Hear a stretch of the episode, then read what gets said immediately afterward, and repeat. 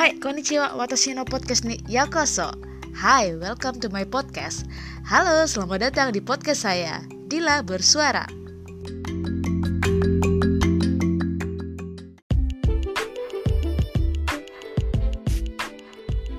Welcome to Dila Bersuara Season 2. In this first episode of Biomedical Engineering, I will discuss with Dr. Ying Ying Wang about dyslexia. Some of you may be not familiar with dyslexia and how the children with dyslexia look like under the brain imaging data. So, Dr. Ying Ying Wang, who finished her postdoc at Harvard Medical School and currently become the leader for neuroimaging lab in Nebraska University, will explain to us the untold story about dyslexia. What makes us who we are? Let's explore it.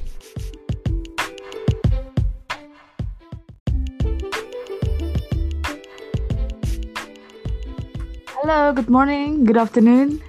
Hello, how are you? Oh, I'm fine. Thank you very much for joining Dila Bersuara podcast today. No problem. Thanks for the invitation. Oh, what? Thanks for the invitation. Can you hear me okay? Oh, yeah, yeah, I can hear you now. Thank you very much for coming. I'm so happy. How's Nebraska today?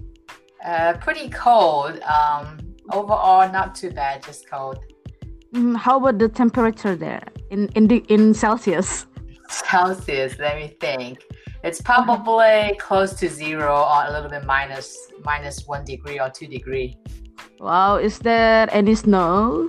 Yes, um, there's Oh. snow on the ground, but it's not snowing right now. But we had a snow a couple of days ago. Mm-hmm, I see. Well, in Fukuoka, like three days ago, there there were snow, and yeah, now it's quite cold because it is in the morning in Fukuoka, in Japan. Uh, okay. yeah, because the difference between uh, Nebraska and Japan is like uh, maybe twelve hours, seventeen hour. Uh, okay. So yeah, because it's uh, I have difference from uh, with Shang- Shanghai, China is I think uh, 14 hours right now. So that's yeah, that's pretty right. Yeah, probably 16 and 17 hours to Japan. Mhm, yeah, so far. So that's why thank you very much for giving your time again and again. I hope uh, people in Southeast Asia uh, can listen this podcast and get many knowledge from you today. Ho- hopefully, hopefully, yeah. Hope I can be a little bit helpful to them to, for them to understand dyslexia. Uh-huh. Yeah, thank you very much for telling the listener about today's topic. Today's topic is about dyslexia. Well, uh, before we talk about dyslexia, how about the the system class in in Nebraska uh, lately? Are they using online system? Land system. Online system. Uh, I didn't catch that. Say it again. I mean the class the class now using online or uh oh, okay. Yeah, it's combination. It's combination. So I do actually, fortunately, my coursework is all graduate level coursework. So I actually taught all my classes last semester online through Zoom.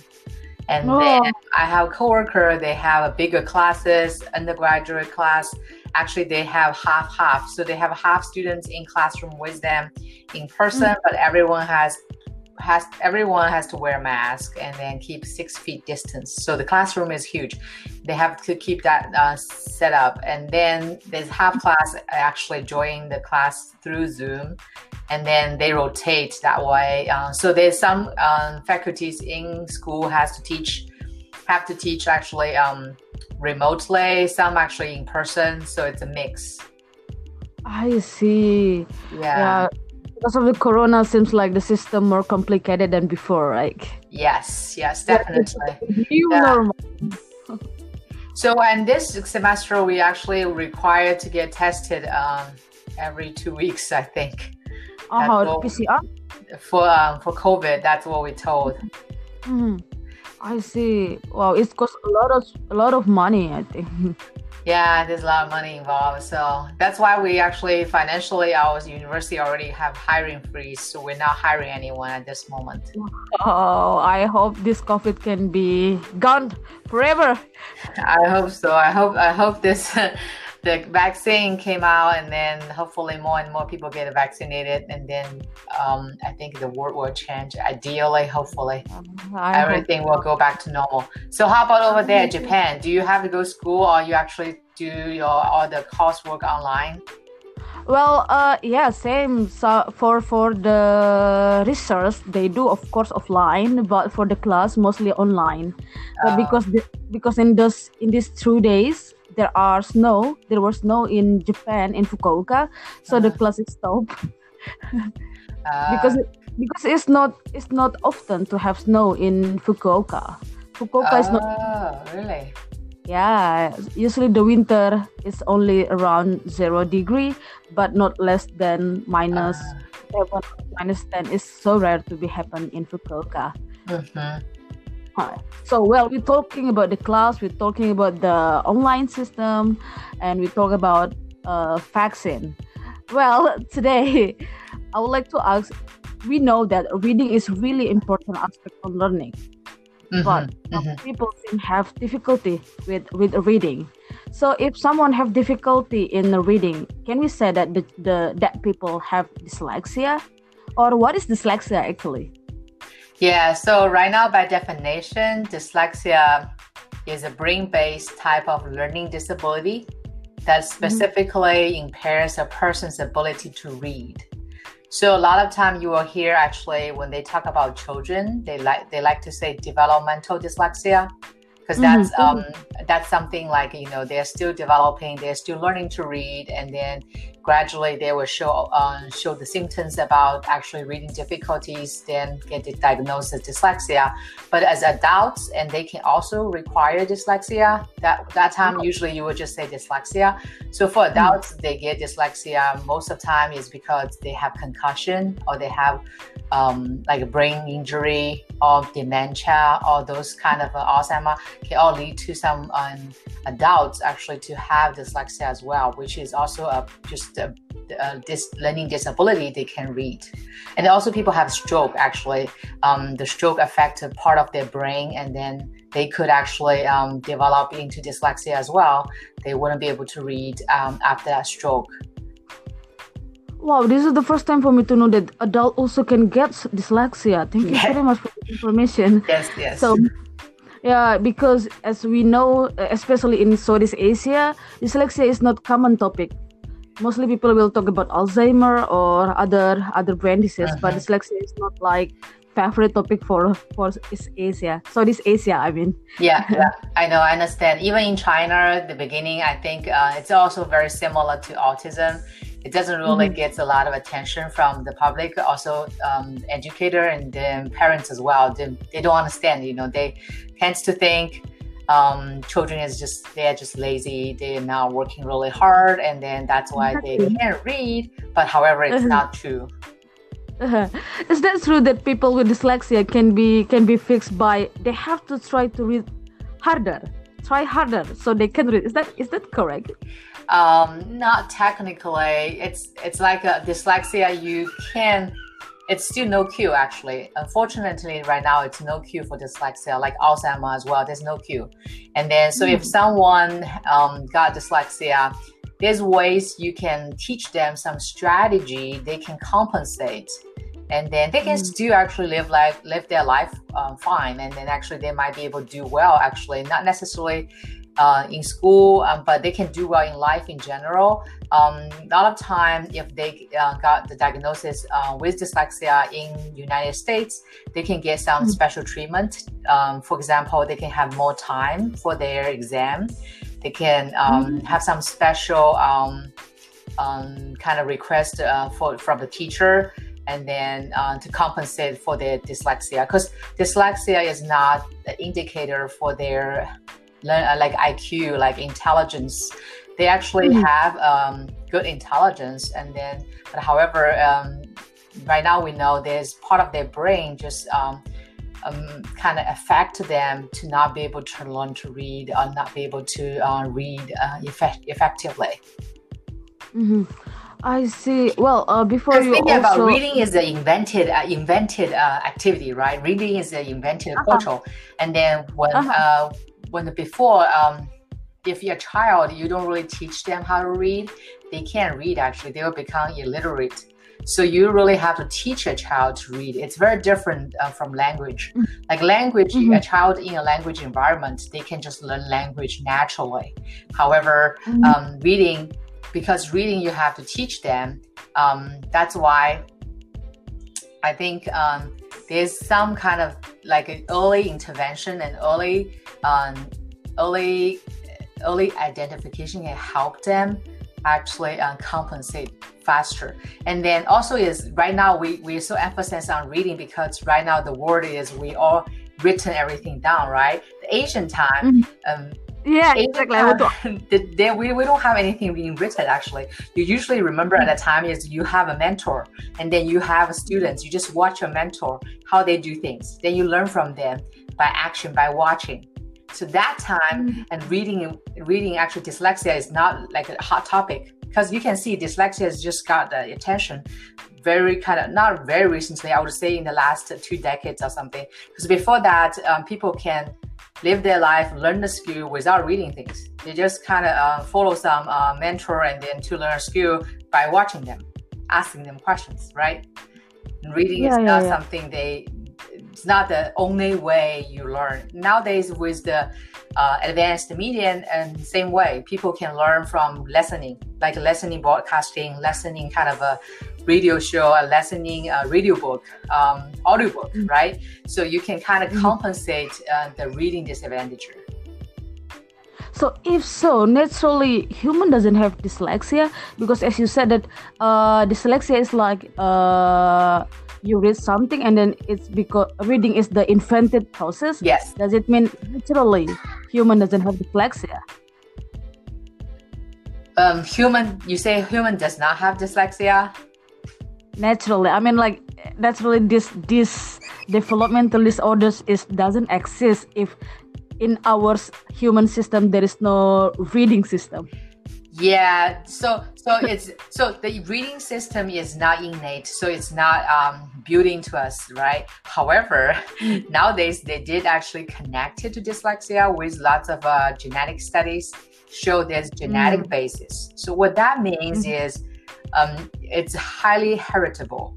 So if you have parents have dyslexia, oh. you very high chance, uh, almost over sixty percent of a chance uh, you can actually mm. inherit it from your parents and get dyslexia. So that's something you can't avoid actually if it's in your gene. It's almost like Alzheimer as well. Alzheimer is having very higher genetic uh, basis as well. A lot of people, mm-hmm. if they're um, they have this family history of dyslexia, you know, family history of Alzheimer, they will have a higher possibility to develop into Alzheimer. Same thing with dyslexia. If you have family history of dyslexia, and then you have a higher chance to develop into dyslexia as well. I see. So it doesn't matter with the what kind of language you use in your daily life.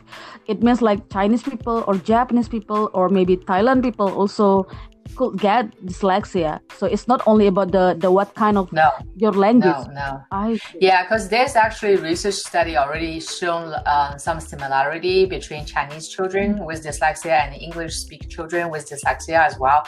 Like there's one mm-hmm. paper I think a 2010 paper published mm. in Brain by Dr. Cathy okay. Price Group. They found actually like the effects of dyslexia in both languages were actually found in uh, there's less activation in the left um, hemisphere regions, which is related to um, language.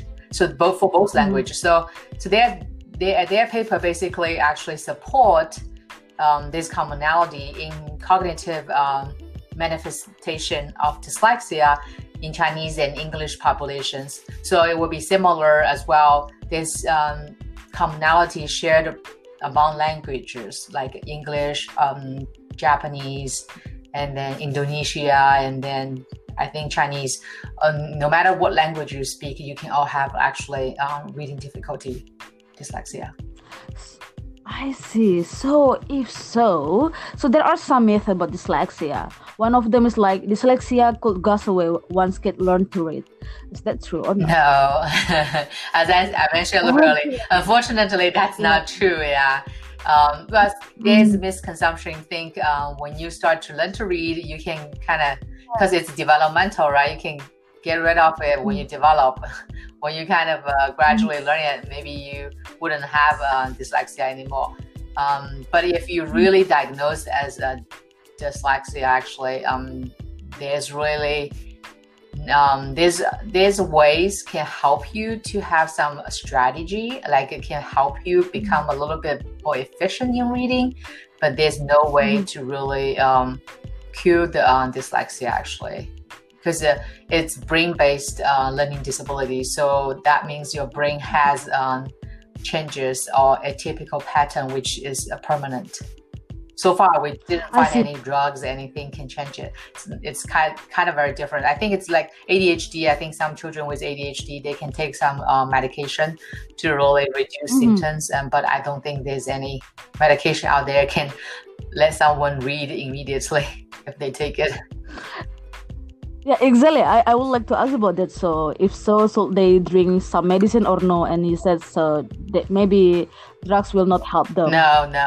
Um, I think there's some people trying to claim some kind of a nutrition and food balance can help, but I think that's mm-hmm. also uh, not um, fully studied. I think um, we don't know if that really affect affect actually their reading ability. Mm-hmm.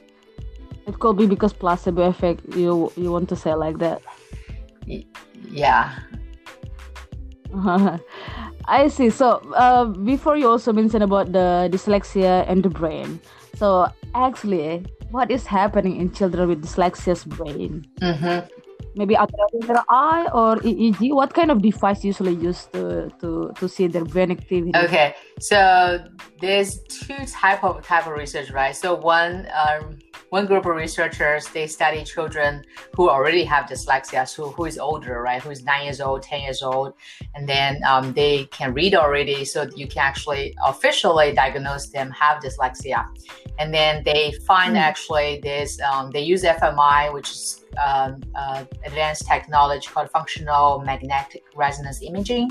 Um, they can detect mm-hmm. um, brain activation during a functional task. For example, they can let the let the children read um, a word in a scanner and determine if this word um, is a noun word or this word is a real word, and then look into their brain activation. So they find the children with dyslexia turns out to show um, less activation in the left hemisphere regions uh, in the brain. But however, there's a problem with their study is because they're studying children who already have uh, reading difficulties, right? So there's um, mm. it the results they're finding can be used as a cause causal reason there because the brain differences uh, they found it could also be due to less reading experience because children who are struggling with uh, reading, they tend to read less. But those uh, who are good at reading, they enjoy reading, so they uh, tend to read more. So the brain difference is that because the children actually who did not have dyslexia read more, so then they have more stronger activation, and then the one with dyslexia read less, and then that's why they have a lower activation pattern. So this kind of cause them can make any causal relationship. So then there's um, mm. another group of uh, researchers. So um, the most uh, representative one is Dr. Nadine Gaab's lab um, from at uh, Boston Children's Hospital.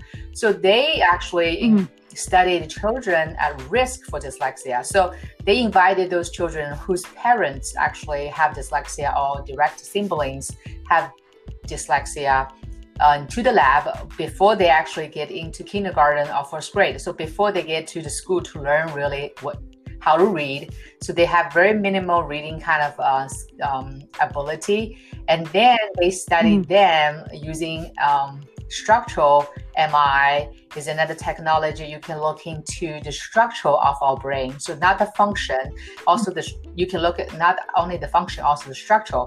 So they found actually there's already this reduced white matter integrity in the left hemisphere in those children who are at risk for de- uh, de- uh, developing dyslexia. And then, in addition to that, they also have fMRI study as well. So they show um, they because those children are very young, right? They can't read. So what they did yeah. is in a scanner, they asked the children to determine if the two words, and they also have picture to get their attention. Two words starts with the same um, consonant. Consonant. For example, apple, and then mm-hmm. And then the children should press the button indicating no. So they don't study the first uh, consonant is not the same same sound. And then um, if I they see. start with the same sound, then they press the, uh, the right button, right, right side button. So that way they use that indicating the phonological processing in those children um, using fMRI, and they found is those children at risk for dyslexia, they showed reduced brain activation in the left hemisphere when they're doing this um, phonological processing task. So what their study can conclude is the atypical pattern in the brain is actually the cause of mm. dyslexia. So it's not because those, those mm-hmm. children um, is lazy, they don't read uh, hard enough. It's because they do have a typical brain pattern, cause them actually having this real difficulty there. So, so as educator, you understand this and then support them actually with um, early intervention. They can help them um, boost their early um, reading skills. So help them be able to develop uh, into um, actually a skill reader. They can still develop into skill reader for those actually at risk children because um, um, because because I think they only in in because the higher because their parents have dyslexia or siblings have dyslexia only increase their chance to develop into dyslexia by 60 some percent of chance so still there's part of those mm. children who at risk at the end did not actually develop into dyslexia so we also find those children turns out they actually have um, increased white matter integrity in the right hemisphere. So basically saying like at those children who are at risk for dyslexia, their right hemisphere has a stronger uh, white matter integrity. Actually, it's a resilient uh, factor. It's almost a protective factor. So protect them, not actually develop into dyslexia. And so that's kind of, I think, what actually we know right now. Um, in children with dyslexia, their brain, and also the kind of the cause um, for dyslexia in the brain. I see. So, well, uh, Dr. Yigi, if so, actually, should the people with should the children with dyslexia go to public school or special school? Yeah, this is a very good question, actually. So there's a debate actually currently in the states Right now, they're actually mainly mm. still going to the mainstream, which is they go pub- go to public school, and then mm. then they. But although they go to public school, but they usually qualify for individualized educational programs. So that's um, U.S. education system allow you know, um, they would because dyslexia, if they get diagnosed with dyslexia, they count as learning disability, so they can get special sessions. So, for example, they might get mm. um, intensive training every every day after school uh, in public school okay so but there's mm. other people you know mostly is um but public school is free in the united states so most family if they don't have a good um economic uh, status they probably would just go with this route so then there's another uh, type of school is private school. So it's um, boarding school. Is um, actually there's school in Boston. They specifically designed for children with dyslexia. So their teacher or their training group, they have all the class and then curriculum is all specially designed. And but this those kind of school usually kind of can be pricey. So you can mm. notice is um, the difference is um, children with dyslexia if they actually have higher family status, have higher socioeconomic status, the children usually can mm-hmm. can do much more that's the imbalance in the society actually and also actually it's a big yeah. um, hot topic right now in the united states how we kind of resolve this mm-hmm. imbalance in socioeconomic status and then um, caused actually uh, inequity i guess in education opportunities right um, but it exists and mm-hmm. that's a problem it is existing yeah i agree with you because uh, another problem from from people with dyslexia maybe they they could face bullying from their partner yeah. because like another partner like they can read well, reading well, but uh, another children like people who has dyslexia they so struggle more. In your in your opinion, in your own opinion, which school is better for them? In my own opinion, I think if the parents can afford, I think definitely special school. I think it's good. As you said, those reasons, mm-hmm. for example, bullying kids is just really in, immature a lot of time. They really tend to tease someone yes. if they think someone has some disadvantage, or they might, you know, because children with dyslexia, you know, read slow and also spelling might have issues too. And then those children probably mm. might actually laugh at them, and those can reduce their self esteem. Um, that way, actually, I think those emotional constraint is uh, sometimes can be harder to deal with. So if you get into a special school, I think most the children understand each other because they they all some to a certain extent they all have dyslexia, so they understood each other better. So in that way, they don't have that issue. And then um, the problem is there's a financial burden on those kind of a type of special school though, and also is not all this like mm-hmm. not every state in the United States offer those type of school. I think. I, I, believe in the state of Nebraska, I don't think they have school dedicated to um, children with dyslexia actually. So it's only like in Boston, like in state of uh, Massachusetts, they are very big on um, developing special policies for children with dyslexia. So um, you will see they have more and more support actually um, than um, the rest of the country. I see. Well, uh, once the dyslexia children could find their strategy to read, uh, can the, their dyslexia goes away? Can uh, dyslexia get away? Yeah, after they got the, the strategy. Oh, oh, this is the strategy to read. Okay, I can read these things by the strategy.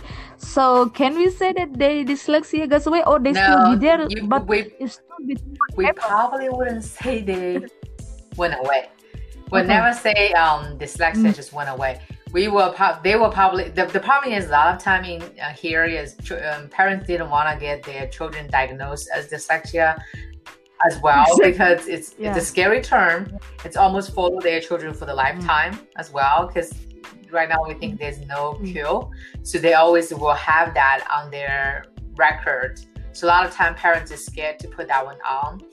Um, even they mm. learn some basic uh, or compensation strategy, they will still have some uh, abnormality in some areas in reading. But then, but then you because they can compensate it, they can they can still read to learn. So they can still um, do okay in school, um, get their uh, required uh, coursework done, and then because they can compensate that, but they might take longer time, like uh, slower than other people um, if they can comprehend what they read. But there's the problem with actually dyslexia also is um, it's also kind of similar sometimes as autism. It's a spectrum actually. Not um, these mm-hmm. individuals mm-hmm. with dyslexia have a wide range of uh, disabilities, like learning disabilities. Um, so it's not just one um, one intervention fit one person. So it's really required educators to to be dedicated and then devoted and then giving them individualized um, intervention plan and also um, follow their progress and then changing the plan accordingly. I think. I see. Wow. I, I maybe same like other people in Indonesia. Maybe many people think that dyslexia can get mm. gas away. So today we just know the, the fact about this. Wow. Yeah, it's hard. Yeah. It's hard. Yeah. And actually, is is there any correlation uh, dyslexia and the vision uh, problem? So there's some kind of uh, people think dyslexia is a problem is actually a vision problem early time, there's a lot of people believe that, but actually later, as more and more research um, have been done, uh, the answer is no. Dyslexia is mm. not a problem with vision. Um, but they, but as you mm-hmm. mentioned, yes, they do have some correlations. So because many uh, children with oh. dyslexia, oh. they actually can have an eye and vision problem, but that's not a cause. But could, mm-hmm. that could co-occur with their actually reading difficulties. Mm-hmm. So currently, at least mm-hmm. there's seven theories are trying to explain the cause of dyslexia. Um, the most um, prevalent co- cognitive level explanation is the phonological theory. So based on that, um, mm-hmm. on the phonological deficit hypothesis, children with dyslexia had atypical functional and structural patterns in the left hemisphere regions, which um, uh, uh, that are associated with processing the sounds of language. So um, this is the mm-hmm. most well-known one um, and then accept it. Although there's actually lots of other um, theories out there, so that's why still dyslexia is a big uh, area which uh, needs more research. Mm-hmm. So currently, what is the biggest problem for researcher in dyslexia? Is it because the device or because the number of participants or I think or I think the big need I think they they we need a big um, breakthrough is um, is actually mm-hmm. um, so what is we find all those uh, typical pattern we find all those differences right but then what that can be applied mm-hmm. to, to education world and then to be practical, that's the next step, which I think there's some intervention out there, but um, there's really not very kind of a strong evidence um, on a certain intervention works the best, or like um, how educator can design a, a, more effective intervention. And those, I think, in literature is very uh, lack. Uh, is very is lacking. So I think uh, the next step for the mm. dyslexia research uh, field is they need to have some um, studies or innovation ideas to test the uh, intervention to really give guidance. Because there's lots of theory and then out there mm-hmm. already to, to try to explain explain this dyslexia. But however if you look into intervention you will see all over the place. Like maybe some people have this idea, the other people have that idea, but then you don't see any kind of evidence based uh, research practice um, really trying to tell an mm-hmm. educator this might be the best approach.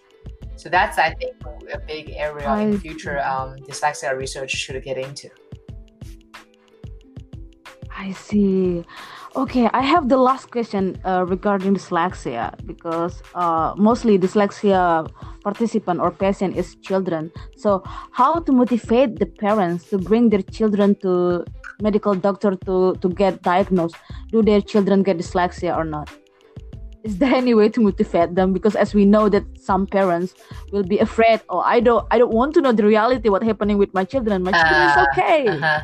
Like yeah, the thing is, um, mm-hmm parents should realize one thing is um, the, the research already showed actually they have some research done is um, they study children who actually have those early intervention in um, kindergarten or first grade and then um, then turns mm-hmm. out mm-hmm. those children actually uh, improved much more in their reading ability than the children which actually in their teen, teenage age, uh, age or maybe uh, middle school age who get the intervention so study have shown uh, early intervention definitely giving much better benefits for the children, right? So as parents, you wanted to give your mm-hmm. children early chance to get diagnosed, or even you don't want to get diagnosed, you might want to get some special service or assessments to know um, if the atypical behavior you observe from your child is actually might be a sign for dyslexia, right? So that's quite important. Um, mm-hmm. And then, although we already find uh, neuroimaging tools can actually actually see the pattern differences earlier than the children um, before actually the children learn to read. However, the imaging tools are not ready to be used for early clinical diagnosis yet. But I, I think I predict in the mm-hmm. future maybe this can be actually um, at least be assisted assistant or like a, can can be used uh, to assist this early identification for dyslexia with other behavior assessments as well. So that way we can actually kind mm-hmm. of um, at least have a higher percentage chance to be right. This child is at risk for dyslexia and then um, then we can give them early intervention to catch them early and give them early um, um, boost their early skills and have a better chance to don't let them actually be left behind. Because I think a lot of time parents should think this way. If you suspect anything, you should um, don't get you shouldn't be hesitated to take your child in because no matter if the, your children will have uh, will be a risk for dyslexia or not, they're getting those um, one-to-one individualized uh, high intensity intervention that's not going to hurt them no matter what right? It's only going to boost their future reading skills. So mm-hmm. um, i would think the parents should definitely uh, be supportive in that way. And another thing for young like for parents um, um, to prevent it's not like you can really prevent dyslexia because it's already it's a genetic thing right mm-hmm. it's already kind of if you have the mm-hmm. um, potential kind of inherited from either parent so you cannot prevent but the thing is there's research showing there's some indicators early indicators um, can indicating a child have risk for dyslexia but then there's things you can do try to um, giving them a little bit better environment. Like for example parents should read to their child as early as they can. Because actually no matter what kind of intervention parents still are the, are the ones uh, see their children the most of time. So if the parents pay attention to uh, read to their child and giving them the better home literacy environment it actually can reduce that child uh, the chance for that child to have potential to develop into dyslexia right so that's that that will be yeah. my suggestion for the parents um, to do well, thank you very much, Dr. Yingying Wang, for your explanation today. We got many knowledge today in these 30 minutes. I hope your day will be good and Happy thank New you. Year, thank actually. Thank you for the invitation. Happy New Year to you, too. Yeah, thank you very much. Bye-bye. And bye bye.